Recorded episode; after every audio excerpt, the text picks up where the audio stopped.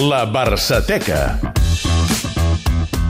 Avui a la Barçateca recordem la retirada d'un dels futbolistes capitals, per no dir que més carismàtics, del Dream Team. Eudal Serra, bona tarda. Bona tarda, sí senyor. qui parlem? Doncs mira, maig del 1998, eh, ara fa 20 anys clavats, un tal Michael Laudrup, Home, eh, que estava a punt de fer 34 anys, anunciava que a final d'aquella temporada, la 97-98, es retirava com a futbolista professional.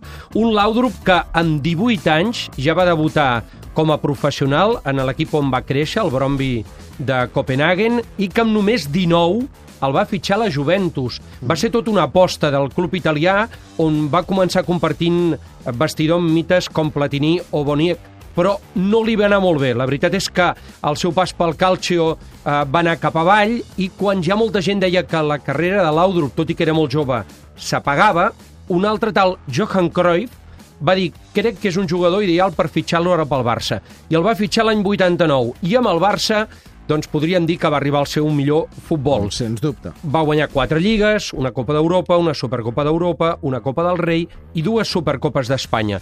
El dia de la seva retirada, com dèiem, ara fa 20 anys, reconeixia en una entrevista a Catalunya Ràdio que el Dream Team havia estat el millor col·lectiu en el qual ell havia treballat i havia estat. Aquí también eh, no está mal en, en, eh, en la Juve tampoco, ¿no? Pero yo creo que eso el, Barça fue algo particular, ¿no? Quizá porque la mayoría venían de, de fuera. eh, el año anterior que, que veníamos yo, eh, Ronald, eh, algunos más, ¿no? Entonces llegaron 12 o 13, me parece, con, con Chiqui, eh, eh, José Mari, todos los demás, ¿no? Entonces yo creo que cuando todo el mundo viene de fuera, hay un siempre es algo especial, ¿no? Cuando ya hay algunos que han que han estado ahí en el club por muchos años, entonces es, es distinto, ¿no? Pero yo creo que fue un, un grupo, un ambiente impresionante que nunca nunca he vivido.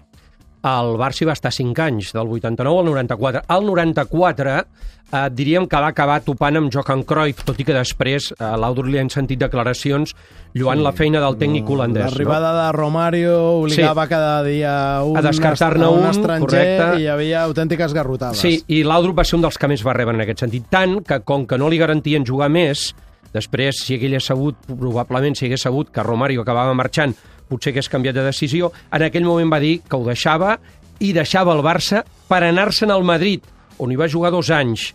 Després va fer un any al futbol japonès, no fa pas gaire el Tot Costa ho recordàvem, el Vissel Kobe, mm. quan es parlava de, Sí, sí, es ves- parla de ves tot que- el futur ves que d'Iniesta. Iniesta no segueixi els passos de Ah. l'Audrup fins i tot en això. doncs hi va jugar un any més i la seva darrera temporada, curiosament, va ser a un altre dels grans clubs de Johan Cruyff, l'Ajax d'Amsterdam, on va acabar guanyant Lliga i Copa.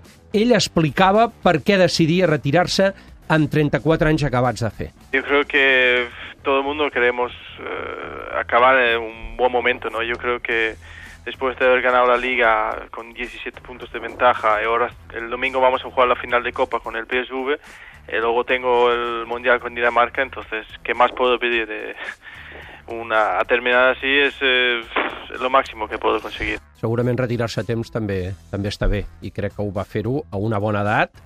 Després ja s'ha dedicat a fer d'entrenador i ara, si no m'equivoco, està al Qatar. Sí, retirar-se a temps està bé i no tothom pot dir que pot plegar veles en un Mundial, que és el que va fer que Sí, és el senyor, que va ho va fer fer en el. Mundial del 98 a França. Una delícia de futbolista, Michael Laudrup. Gràcies, Eudal. Adeu.